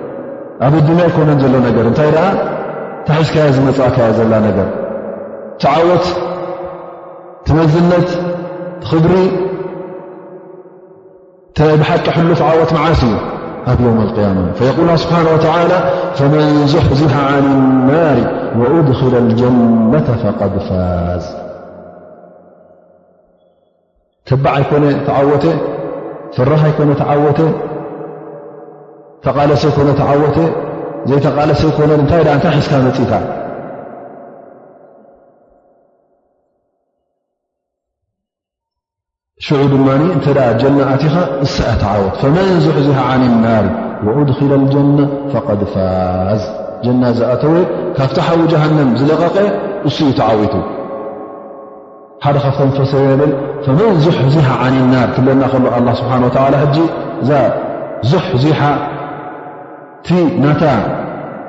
ቃና ክትሰምዕ ከለኻ ይብል ልክዕ እዛ ጀሃንም ከምዚ ከናኒታ ዘለዋ ትስሕብ እያ ትመስል ፈኻፍታ ጀሃንም ንኽትከይድሲ ብዙሕ ቃልሲ እዩ ዘድልየካ ጎተት ኢኻ ማለት ዛሕዛሕ ብሓይሊ ኢኻ ትርሕቕ ዘለኻ ማለት እዩ ምኽንያቱ እታ ጀሃንም ትኣቱ እንታይ እያ ሻሃዋት ዊንታኻን ደስታኻን ክትገብር ከለካ ኩሉ ግዜ ወዲ ሰብ ኣብ ምንታይ እዩ ዝወድቕ ኣብቲ ሸሃዋት ዘሎ ቲ ሽቡሃት ዘሎ ነዛ ነፍሱ ከምድላያ ክትገብር ስዲ ክሰዳ ከሎ እዚ እቲ ኩሉ ግዜ ቀሊል መገዲ ማለት እዩ እሞ ካብዚ ንክትሰሕባ ንክትጎታ ቀሊል ስለ ዘይኮነ ኣላ ስብሓን ወላ ከመንዙሕ ዙሃ ዓንናር ኣለና ኣሎ ካብኡ እንተ ደኣ ለቒቕካ ወኡድኪሎ ልጀና ፍቐድ ፋዝ ሕፈት ልጀነቱ ብልመካርህ ወሕፈት ናር ብሸሃዋት ኩሉ ግዜ ጀና እንተ ክትኣት ኮንካ እታ ጀና ብቐሊል ኣይኮንካ ን ትእቶ እንታይ ደኣ ሓዊ ጀሃንም እያ ብቐሊል ትእቶ ሸሃዋት ደስ ዝለካ ነዛ ነብስኻ ስድ እንተ ሰይትካ ተኽኢልካ ብቐሊሉ ንሓዊ ጀሃንም ኢኻ ትኣቱ ማለት እዩ ስለዚ እቲ ካብ ሓዊ ጀሃንም ዝለቐቐ ዝተላቐቐ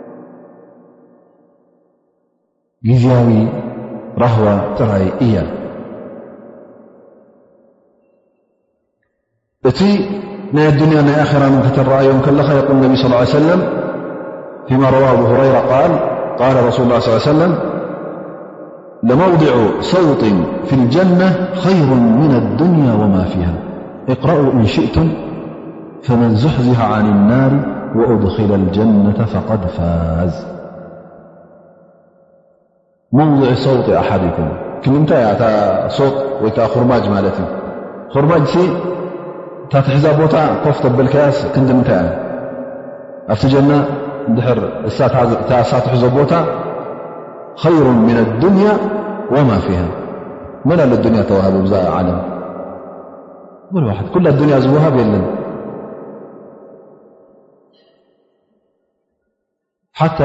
ሰይድና ስለይማን ብዙሕ ነገራት ተዋሂቡ ነሩ ኩሉ ኣዱንያ ተዋሃበን ዘረባ ናይ እንስሳ ሰምዕ ዘረባ ናይ ጭራሩ ሰምዕ ዘረባ ናይ ፃፀ ሰምዕ ንፋስ ይእዝዞ ይእዘዞ ኣጋንንቲ ይእዘዝዎ ግን ኩሉ ኣዱንያ ኮነትን ነራ ምስ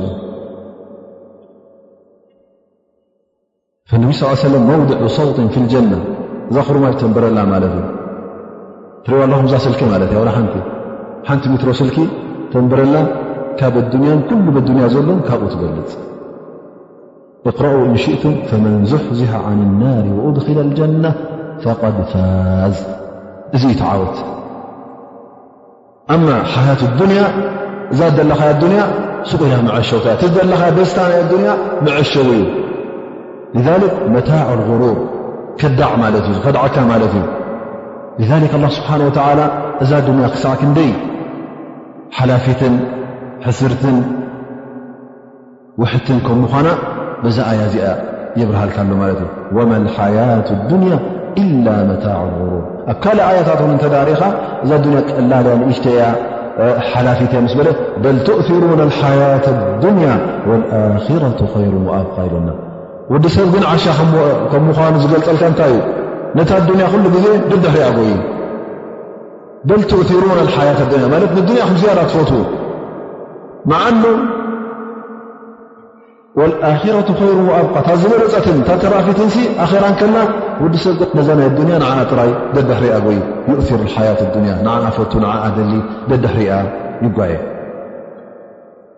ስለዚ እዛ ናይ ኣዱንያ ኩላ ኣዓሻዊት ኣብ ካልእ ኣያ እውን ኣላ ስብሓን ወተዓላ እንታይ ይብል ወማ ኦቲቱም ምን ሸይእን ዝኾነ ይኹን ተዋህቦ ኣብዛ ኣዱንያ ዝኾነ ይኹን ኣላ ስብሓን ወተዓላ ይሃብኩም ወማ ኦቲቱም ምን ሸይእን እሱ ንገዛእ ርእሱ ካብ ኣላ ስብሓን ወተዓላ ዝመፀካ እምበር ባዕልኻ ዘምፃእካ ኣይኮነን ፈመታዕ ልሓያት ኣዱንያ ወዘይነትሃ ወማ ዕንዳ ላሂ ኸይሩ ወኣብቃ እቲ ኩሉ ትዋሃቦ ዘለኻ ናይ ኣዱንያ ደስታ ናይ ኣዱንያ ራህዋ እዚ ሓላፊ ወይ ከዓ ስቑኢል ካብኡ ከሎ ሽልልማት ማለት ዩ ንግዜኡ ዝኸውን መፀባበቕን መመላኽዕን ዳኣ እምበር ካልእ ጥቕሚ የብሉን ወነቢ ስ ሰለም ለማ ወሰፈ ኣዱንያ እዛ ኣዱንያ ኣ ነቢ ስለ ላ ለ ሰለም ክገልፅዋ ከለዉ እንታይ ይብል ወላሂ መዱንያ ፊ ልኣራ ኢላ ከማ የግሚሱ ኣሓድኩም እስበዐሁ ፊ ልየም ፈልየንظር ብማ የርጅዕ ኢለይ እዛ ኣዱንያ ክሳዕ ክንደይ ከም ምዃና ኣብ ቅድሚ ኣራ ክተመዛዝኑ እተ ደሊኹም ይብል ነቢና ሓመድ ስ ሰለም እንታይ ይግበሩ እፍቲ ባሕርኺ እሞ እዛ ኣፃብዕቲ ካኣትዋ ሽዑ እዛ ኣፃብዕቲ ሒዝካ ትወፅ ማለት እዩ እንታይ ሒዛ ትወፅ ካብ ባሕሪ እዚኣ ሰውፃእካያ ሓንሳ ጠብ ምስ በለ እንተ ነፍዐት ካይ ተኸተንጠብ ያ ከኣ ክንዲ ፍርቃ ማለት እዩ እዛ ኩባያ እዚኣ ኣይክኸሉ ባሕሪ እዛ ኩባያ እዚኣ የስካኣት ኻላስ ምስ ሰውፃእካያ እንታይ ትጎድል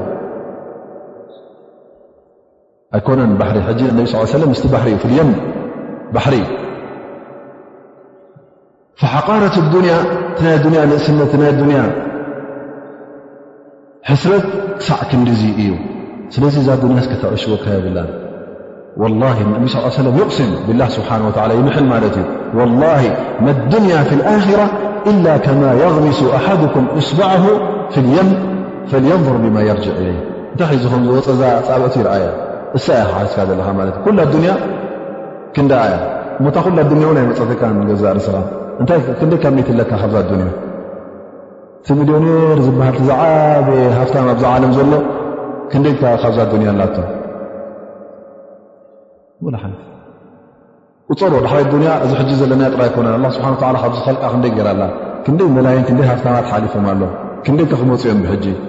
እዚ ክኡሉ ኣኻኺብካ ምስቲ ናይ ኣኼራ ክተመዛዘና ከለኻ ኣላ ስብሓን ወላ ብለካ ኣሎ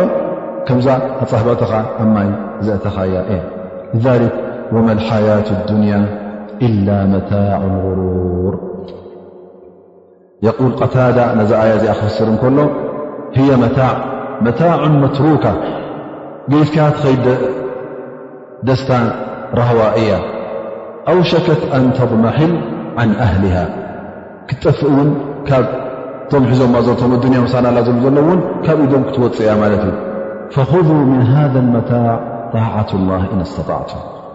እንተ እቲ ናይ ኣዱንያ ተዋህብካዮ ሰናይ ነገር ኣሎ ኮይኑስ ተጣዓት ላ ስብሓ ወላ ንኣ ስብሓ ወላ ብምእዛዝ ንዕኡ ሒዝካ ደኣ ትረፍ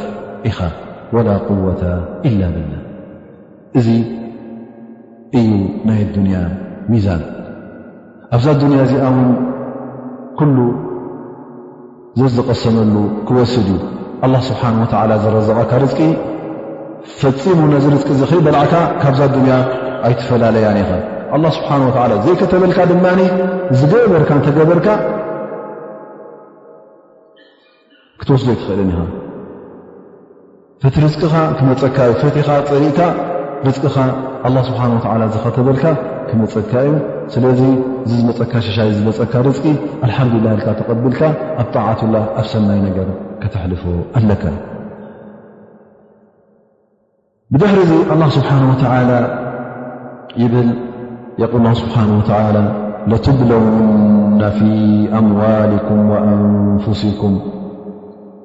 እዚ እውን ኣብታ ኣዱንያ ዘጓንፈካ እዩ ማለት እዩ እታ ኣዱንያ እውን ቀላል ኣይኮነትን እቲ በዓል ኢማን እንታይ ከም ዘጓንፎ መርመራ ከም ዘሎ እኽትባር ከም ዘሎ እዩ ዘብርሃልካ ዘሎ ቅድሚ ሕጂ ኣብ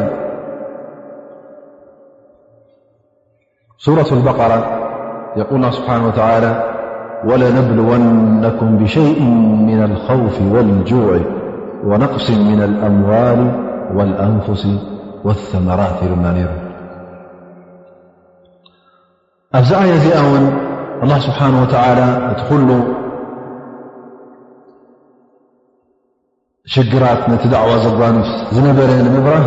ነቶም ብፆት ነቢና ሙሓመድ ለ ላ ለ ወሰለም እዚ ጉዳይ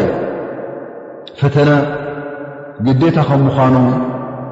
ንዝኾነ ይኹን ሙእምን ከጓንፉ ከም ምዃኑ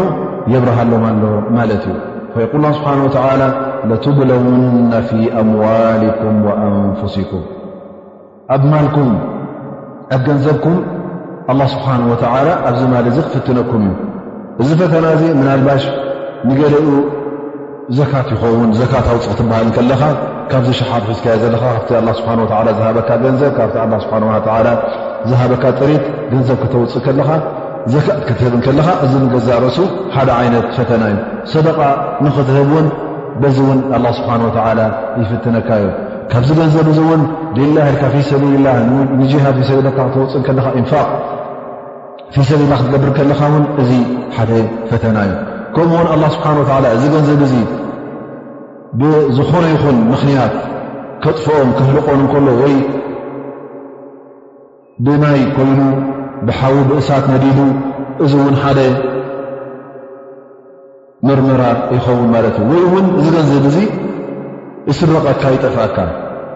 ስለዚ ፊትና ከም ዝመፀካስ ክትርስዕ የብልካ እዚ ገንዘብ ተዋሂብካዮ ዘለኻ ኣላ ስብሓን ወላ በዚ ገንዘብ እዙ ፍትነካ እዩ ከምኡ ውን ፈተና ጥራይ ኣብ ገንዘብካ ኣይኮነን እንታይ ደኣ ኣብ ነብስኻ ውን ክመፀካ እዩ እዛ ነብሲ እዚኣ ብሕማም ይኹን ብሞት ይኹን ዘጓንፋ ሽግር ቃልሲ ክትገብር ኣብ ጅሃድ ክትመውት ክትውጋእ እዚ ኩሉ ከጓንፋ እዩ ኣንፉስ ይኩም ክብለካ ከሎውን ጥራይ ነብስኻ ይምሰልካ እቶም ምሳኻ ዘለዉ ኣሕዋትካ ይኹኑ ወለድኻ ይኹኑ ሰበይትኻ ትኹን ውላድካ ይኹን እዚ ኩሉ ከም ነብስኻ ስለ ዝቁፅር ኣብ ቤተሰብካ ማለት እዩ ኣንፉስ ይኩም እዚ እውን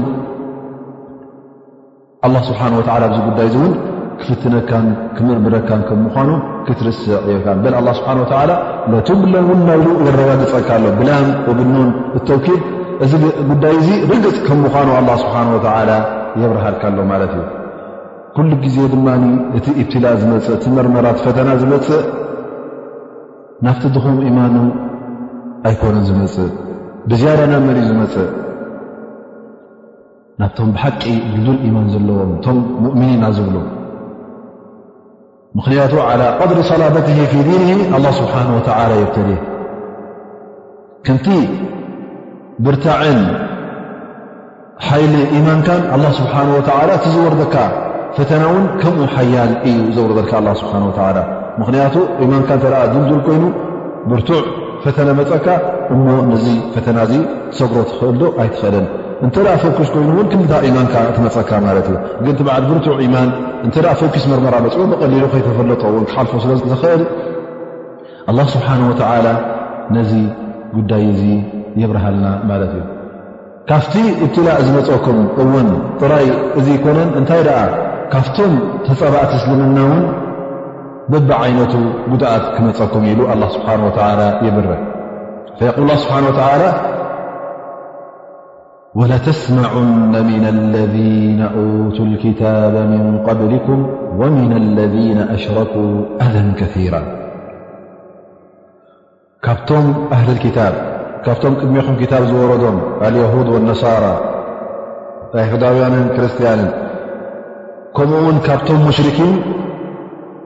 ብዙሕ ጉድኣት ክትሰምዑ ኢኹም ካብኦም ትሰምዕዎ ቀሊል ነገር ኣይኮነን እዚ እውን ሓደ ዓብ ፈተነ እዩ ኣብ ኢሉ ኣላ ስብሓን ወተዓላ የብርሃልና ማለት እዩ እንሻ ላ ድሕርኣዛን ንምልእ ላ ስብሓን ወተላ ነቢና ሙሓመድን ነቶም ብፆቱን ካብቶም ኣህሊ ክታብ ብብዓይነቱ ሽግር ከጓንፎም ከም ምዃኑ ሓደ ካብኡ ድማ ንዕኦም ዝጎድእ ቃል ክሰምዑ ከም ምዃኑ ብመልሓሶም ክጎድእዎም ከም ምዃኑ ኣላ ስብሓን ወተዓላ እዛ ኣያ እዚኣ ገይሩ ይነግሮም ማለት እዩ እዚ ድማ ጌና መዓት ዝወረድ ዛ ኣያ እዚኣ ጌና ቅድሚ ኩናት በድር መጀመርያ ነቢ صለ ላه ለ ሰለም ንመዲና ከምኡ ቶም ብፆቶም ንመዲና ምስኣተውን መዲና ከለዉ ነቢና ሙሓመድ ስ ሰለም ካብእቶም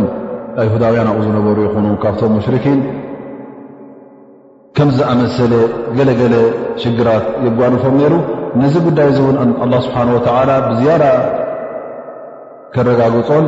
ነቶም ሙእምኒን ድማ ንኸፀናንዖምን እዛ ኣያ እዚኣ ኣውሪዱ እዚ ነገር እዚ ክጓንፎ ከም ከሉ ድማ ብሰብርን ብትዕግስትን ብዓፉ እናበልኩም ክትምሕሩ ከም ዘለኩም በዚ ኣገባብ እዚ ክትሰግርዎ ኣለኩም ኢሉ ኣላ ስብሓን ወተዓላ ይሕብሮም ማለት እዩ ኣልእማም ልቡኻሪ ዘመሓላልፉ ሓዲስ እንታይ ይብል እዚ ሓዲስ እዚ ዓን ኡሳማ ብኒ ዘይድ እነቢይ ስለ ላሁ ለ ወሰለም ይብል ሓደ ግዜ ኣድጊ ሰሪዮም እዛ ኣድጊ እዚኣ ክስርዋ ከሎ ውን ኮረቻ ወዲ ኮረቻ ነበራ ናብኡ ከሎ ጨርቂ ጥራይ ነይርዋ ማለት እዩ ምስ ነቢና ሓመድ ስ ሰለ መን ነሩ ሽዑ እሳማ ብን ዘይድ እውን ሰሪሮም ነይሮም ማለት እዩ ሕጂ ብሓንሳ ነዛ ኣድጊዚኣ ሰሪሮማ እናኸዱ እንከለዉ ናበኦም ይኸዱ ነይሮም ናብ ሳዕድ ብን ዑባዳ ንኽበፅሕዎ ይኸዱ ነይሮም ማለት እዩ እዚ መዓሽ ቅድሚ መውቃዕቲ በድር በድር ኩናት በድር ከይተረኽቦ ከሎ ቲ መጀመርያ ዓመት ማለት እዩ ወይከዓ ገና ኩናት በድር ከይመፀት ንከላ ማለት እዩ እናኸደ ከሉ ነቢና ሙሓመድ ስለ ላ ሰለም ብሓደ መጅልስ እቶም ሙሽርኪንን እቶም ኣይሁዳውያን ከምኡውን ገለ ኣስላም ዝነበርዎ ቦታ ኮፍ ኢሎሞ ዝነበሩ ማለት ኣብ መንገዲ ኮፍ ኢሎም ነሮም ማለት እዩ ብኡ ይሓልፍ ማለት እዩ መን ነይሩ ሕጂ ዙ ዓብዱላህ ብን እበይ ሙሰሉል ሓደ ካብኦም ነሩ ማለት እዩ ምስኦም ኮፍ ኢሎም ዝነበሩ ማለት እዩ እዚ ድማ ጌና እብኒ ኡበይ ኣነ እስልምና ኣቲኸ በለ ከሎ ማለት እዩ ዳሕራይ እውን ኣስላማይ ኣይኮነ ነይሩ ላኪን ንሽም ኣስላማይ ተባሂሉ እስልምና ኣትዋ ግን ክሳዕ ኣብዚ ግዜ እዚ ወላ ብኣፉ እውን ኣነ እስላማይ ኣይበለ ነሩ ማለት ዩ ጌናፍቲ ናይ ቀደሙ እዩ ነይሩ ማለት እዩ ኣብኡ ምስ በፅሑ ነቢ ለ ላ ለ ወሰለም እታ ኣድጊ ማለት ዩ ቁርባኡ ምስ በፅሐ ጠ እናጎየት መፅያ ትኸውን ቁሩብ ነቲ ኣብኡ ዝነብሩ ትጥቐም ሓመድ ፈይፈይ ኣቢላ ማለት ዩ ድሮና ገይራ ማለት እዩ ዓብዱላ ብ ብ ምሰሉ እንታይ ይገብር ኣሎ ማለት እዩ ኣንሶላ ምስ ነበረ ወላ ዝኾነ ጨርቂ ኣፍንጨኡ ይኸድን ማለት እዩ ኣፉ ይኸድን ማለት እዩ በቲ ተወንዚፎ ዝነበረ ነፀላ ኣፉ ይኸደን ማለት እዩ እንታይ ብል ላተቢሩ ለይና ላተቢሩ ድሮና ይትግብርና ድሮና ይትግብርና ብል ማለት እዩ ድሮና ከርሓቀልና ማለት እዩ ከሎ ማለት እዩ ነቢ ስ ሰላ ምስ በፀሐ ሰላም እብሎም ማለት እዩ ብ ካብኦም ውን ኣብዚ ቦታ እዚ ምስ በዓል ዓብዱላ ነቢ ሰሉ ዓብዱላ ንረዋሓ ነይሩ ማለት እዩ ዓብዱላ ንረዋሓ እስላማ እዩ ነይሩ ሸ ثم ነቢ ص ሰለም ሰላም ኢልዎም ደው ይብል ካብታ ሰሪዋ ዝነበረ ኣድጊ ይወርድ እዛረቦም ማለት እዩ ክዛረቦም ከሎ ናይ ዳዕዋ ዛሪቦም ማለት እዩ ካብ ቁርን ቀሪኡሎም እስልምና ካብ ናይ እስልምና መባድእ ገለ ኣፍሊጥዎም ማለት እዩ ተዛሪቡ ተዛሪቡ ዘረብኡ ምስ ወደአ እንታይ የብሉ ዓብዱላህ ኡበይ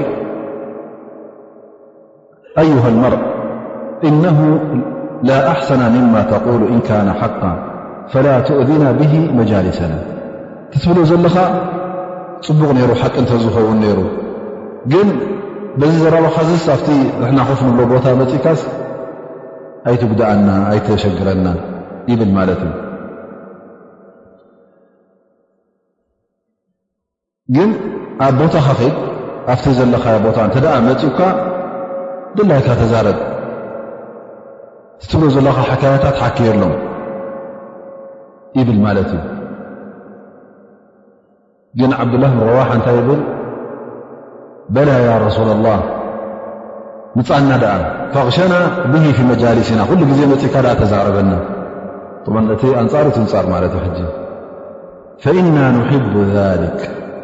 እዚ ደስ ስለ ዝብለና መፂኻ ዳኣ ኩሉ ግዜ ኣይትግደፈና ኢኻ ክትረኽበና ከለካ መንገዲ ከምዘልካ ኮፍ ኢልካ ዳዕዋ ሃበና ቁርን ክረኣልና ይብል ማለት እዩ ከምኡ ሕጂ እቲ መጅልስ ተኣኪቡ ዝነበረ ኩሎም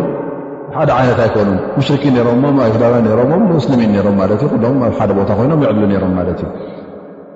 ሕጂ እቲ ኣንፃር ትንፃር ስለ ዝኾኑ ነቲ ነቲ ዝድግፍ ኣይተሳእነን ማለት እዩ ገለ እስላም ነሮም ነቲ ነቢና ሓመድ ስ ሰለም ዝበሩ ዓብዱላ ብ ረዋሓ ዝበሮ ንኡ ደጊፎም እቶም ሙሽርኪን ዝነበሩ እቶም ጀማዓ ናይ ኡበይ ዓብዱላ ብ ንኡበይ ድማ ንኡ ደጊፎም ማለት እዩ ነንሕዶም ክፃረፉን ነንሕዶም ክሰሓሓቡን ክጓተቱን ጀሚሮም ክሳዕ ክተሃራረሙ ደልዮም ማለት እዩ ነቢ ስ ሰለም ፈለም የዘል ዩኸፊضም ሓታ ሰከቱ ነቢ ስ ሰለም ክሃዳኦም ጀሚሩ ዝግበሉ ዝግበሉ እናበለ ዘይጋቢለዎም ማለት እዩ ዝግ ምስ በሉ እታ ሰሪርዋ ዝመፅ ኣድጊ እንደገና ሰሪርዋ ተኽኢሉ ናበይ ኸይድ ናብ ሰዓድ እብኒ ዑባዳ ይኸይድ ማለት እዩ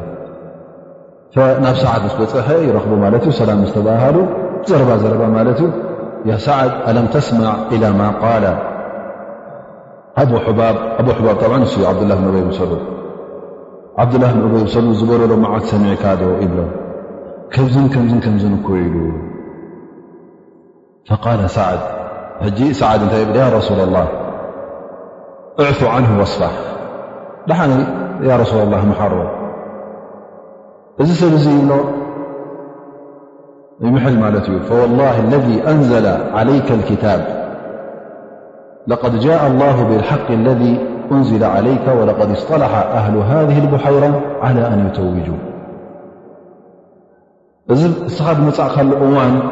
ንመዲና በቲ ክታብ ሒዝካዮን በቲ ንብዋን መልእኽቲ ኣላ ስብሓን ወላ ሒዝካዮ ዝመጻእካሉ ሰዓት እዚ ሰብ እዚ እቶም ኣብ መዲና ዝቕመጡ ሰባት ኩሎም ተሰማሚዖም ዘይፈልጡ ኣብታ ግዜ እቲኣ ተሰማሚዖም ተዓሪቖም ማለት እዩ ሓንቲ ዘረባ ሒዞም እሱ መራሒ ንክኸውን ተሰማሚዖም ነይሮም እሞ ንዕኡ መራሒ ንክገብሩ ኩሉ ነገራት ተዳልዩ ነይሩ ግን ኣላ ስብሓን ወተዓላ እዚ ጉዳይ እዙ ስለ ዘይደለዮ እስኻ ውን መፅእካ ትስልምና ስለ ዝመፀ እውን እዚ ሰብ እዙ ብጣዕሚ ሓሪቑን ነዲሩን ከምኡ ውን እቲ ኣብ ነፍሱ ተሰሚዕዎ ትኾምት ይርእዩ ዘሎ ስለዚ እዚ ዝገብሩ ዘሎ ኩሉ ካብ ሕርቃን اتلى علي ي بأنبر كال نجر أيكون سلذي يا رسول الله ؤلك تزر الرؤوس بزحل أي تتقدسله محر بلمالت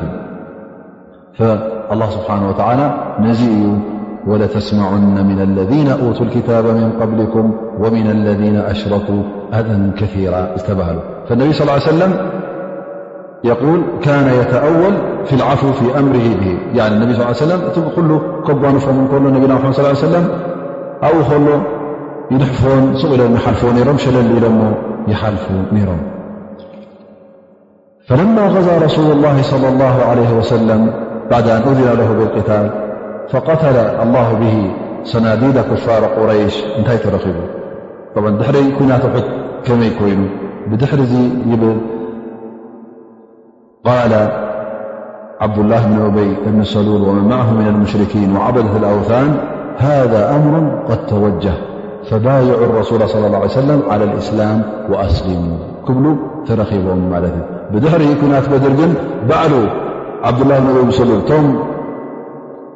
ተኣኪቦም ዝነበሩ እቶም ነቢ ስ ሰለም ፀርፉ ዝነበሩ እዚ ዘረባኻ ክንሰምዖ ይደሊና ዝብሉ ዝነበሩ እታ ኩናት በድር ምስ ተረከበት እሞ ከዓ እስልምና ኣ ምስ ተዓወተ እቲ ጉዳይ ኩሉ ተገምጢሉ ማለት እዩ ንዑ ሕጅስ እቲ ነገር ናበይ ገፁ ከም ዝኸይድ ዘሎ በሪህ ኣሎ እሞ ንዑናይ ንሙሓመድ ስ ሰለም ንባይዓዮ ንኡ ደድሕሪኦ ንክድ ነስልም ኢሎም ናብ እስልምና ኣትዩ እዘ እዚ እንታይ እዩ ዘርእካ ዝኾነ ይኹን ሰብ እንተ ነታ ሓቂ ሒዝዋ ከይዱ ኣምር ብማዕሩፍ ናሃይ ዓን ሙንከር ክገብር እተ ኮይኑ ዳዕዋ ክካየድ እተ ኮይኑ ከምዚ ኣላ ስብሓን ወላ ዝበላ ግዴታ እዩ ገለገለ ገለ ዓይነት ናይ ጉድኣት ክወርዶ ከም ምዃኑ እንተ ነዚ ጉድኣትን ነዚ ሽግርን ነዚ ፈተናን ክስከሙ እተ ኮይኑ ድማ ኩሉ ግዜ እታ ሰብሪ እያ ተድልዮ ትዕግዝቲ እያ ተድልዮ ካብ ኣላ ስብሓን ወተላ እውን ሓገዝ ክጠልብ ኣለዎ እዚ ሰብሪ እዚ ትዕግዝቲ ኣላ ስብሓን ወተላ ንክህቦ ምኽንያቱ እንተ ኣላ ስብሓን ወተላ ሰብርን ትዕግዝትን ዘይሃበካ ኣብ ዘይገባኻ ክትወደቕ ስለ ዝኾንካ እቲ ካብቶም ሙሽርኪን ዝመፅእ ካብቶም ክሓቲ ዝመፅእሲ ቀሊል ኣይኮነን ሊክ ኣላ ስብሓን ወተላ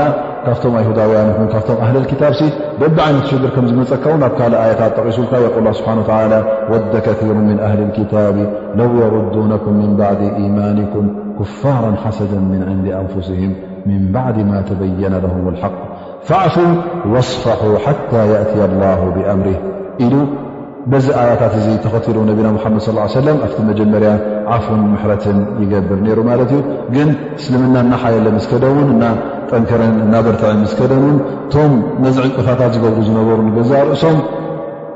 ኣደቦም ገይሮም ናፍቲ እስልምና ክኣትዉ ጀሚሮም ማለት እዩ ስለዚ ናይ ሎም መዓልቲ ደርስና በዚ ክትፍፀም እያ ግን ከም ቀንዲ ነጥብታት ኣለዋ ስለምንታይ ኣላ ስብሓን ወተዓላ ነቶም ኣስሓብ ነቢ صለ ላه ለ ወሰለም እብትላእ ከም ዘሎ ዝጠቐሰሎም እንታይ እቲ ጥበብ እንታይ እቲ ሕክማ ናይዚ ጉዳይ እዙ ዕለማ እብሉ ብዙሕ ሕክማ ኣለዎ ኣክባር ላ ስብሓን ላ ስለምንታይ እዩ እብትላእ ከም ዘሎ ዝነገረናስ ብዙሕ ሕክማን ጥበብን ኣለዎ ይብሉ ቀዳማይ ነገር ምን ሕክመት ላ ስብሓን ወተላ እቲ ኣብ መንጎ ካሓድትን ኣብ መንጎቶም ናይ ብሓቂ ኢማን ዘለዎን ኢማን ዘይብሉን መመመዪ እዚ ከም ምዃኑ ንክነግረና ማለት እዩ እቲ መመመዪ እብትላእ ከም ምዃኑ እቲ ተምይዝ እቲ ናይ ብሓቂ ኢማን ዘለዎን ናይ ብሓቂ ኢማን ዘይብሉን በዚ ክምመዩ ከም ዝከኣሉ እዚ ቀዳማይ ነገር እዩ ይብሉ ካልኣይ ነገር ድማ እንተ እብትላኣት እዚ ወሪዱካ እውን ኣላ ስብሓን ወተላ ሰናይ ከም ዝደልየልካ ር ከም ዝደልየልካ እዚ ክወርደካ ከሎ እዚ እብትላ ክቅድረልካ ከሎ ኣላ ስብሓን ወተላ ጠቓሚ እዩ ምበር ንዓኻ ጎዳ ኣይኮነን ምኽንያቱ ኣጅሪ እዩ ዝሕሰበልካ እቲ ኣጅርኻ እናበዘሐ እዩ ዝኸይ ዳኣ ር ከም ምኳኑ ክትፈልጥ እንደገና ድማ እዚ እብትላ እዚ ስለምንታይ እዩ ዝንገረካ ዘሎ ንነብስኻ ክትለማመድ ስብሪ ክትገብር ድሕሪ ሕጂ እውን ዘጓነፈ እንተጓነፋ ሰብሪ ኣድላዩ ከም ምዃኑ ንኽትፈልጥ እዚ እውን ሓደ ካብቲ ጥበቡ እዩ ከምኡ ውን ይብሉ ዑለማ እቲ ዳዕዋ ውን እንተ ክጥንክርን ክሕይልን እተ ኮይኑ ግዴታ ከም ዝኣመሰለ ዕንቅፋታት ከጓንፎ ኣለዎ እንተ እቲ ጉዳይ እቲ መንገዲ ፅሩግ ፀኒሕዎ ብቐሊል እተ ኮይኑ እቲ ዳዕዋ ውን ኣይሕይልን እዩ ኣይጥንክርን እዩ እንታይ ደኣ ኣብ ቅድሚኡ ዕንቅፋታት ስለ ዘይተረኸበ ተመክርኡ እንታይ ይኸውን ውሑድ ይኸውን ማለት እዩ ዝመፀ ዕንቅፋት ብዝሒ ሕጂ ነዊሕ መገዲ እንተ ወይ ከ ኣብቲ መጀመርያ መበገሲኻ እንተ ቀሊል ነይሩ ኮይኑ ዳሕራይ እንተ ንቕድሚት ምስከትካ ሓንቲ ዕንቅፋ እተ ኣርኪባትካ ሒዛትካ ህልም ክትብል ስለ ዝኾነት ኣብቲ መጀመርያ ናይ ዳዕዋ ኣብቲ ናይ ጉዕዞኻ ናይ መጀመርያ ብዙሕ ዕንቅፋታት ክገጓንፈካ ከሎ መትረሪ ነቲ ዳዕዋ ይኸውን ማለት እዩ ከምኡ ውን ይብሉ ካብቲ ጥበባት እውን እንተ ደኣ እቲ ሒዝካ ትኸይድ ዘለኻ ዳዕዋ ከምዚ ዝኣመሰለ ሽግራት ኣጓኒፉ እኳ እሞ ከዓ እቲ ነገር ብቐሊል እንተ ዘይከደ ነዚ ዳዕዋ እዚ ዳሕራይ እውን ቀጥ ኣቢልካ ትሕዞ ማለት እዩ ብቐሊሉ ኣይተጥፍኦን ኢኻ ምኽንያቱ ብቐሊል ስለ ዘየምፃእካዮ ደኺምካ ስለ ተቓለስካሉ ፅባሕ ንግሆ እውን ብቐሊሉ ኣይተጥፍኦን ኢኻ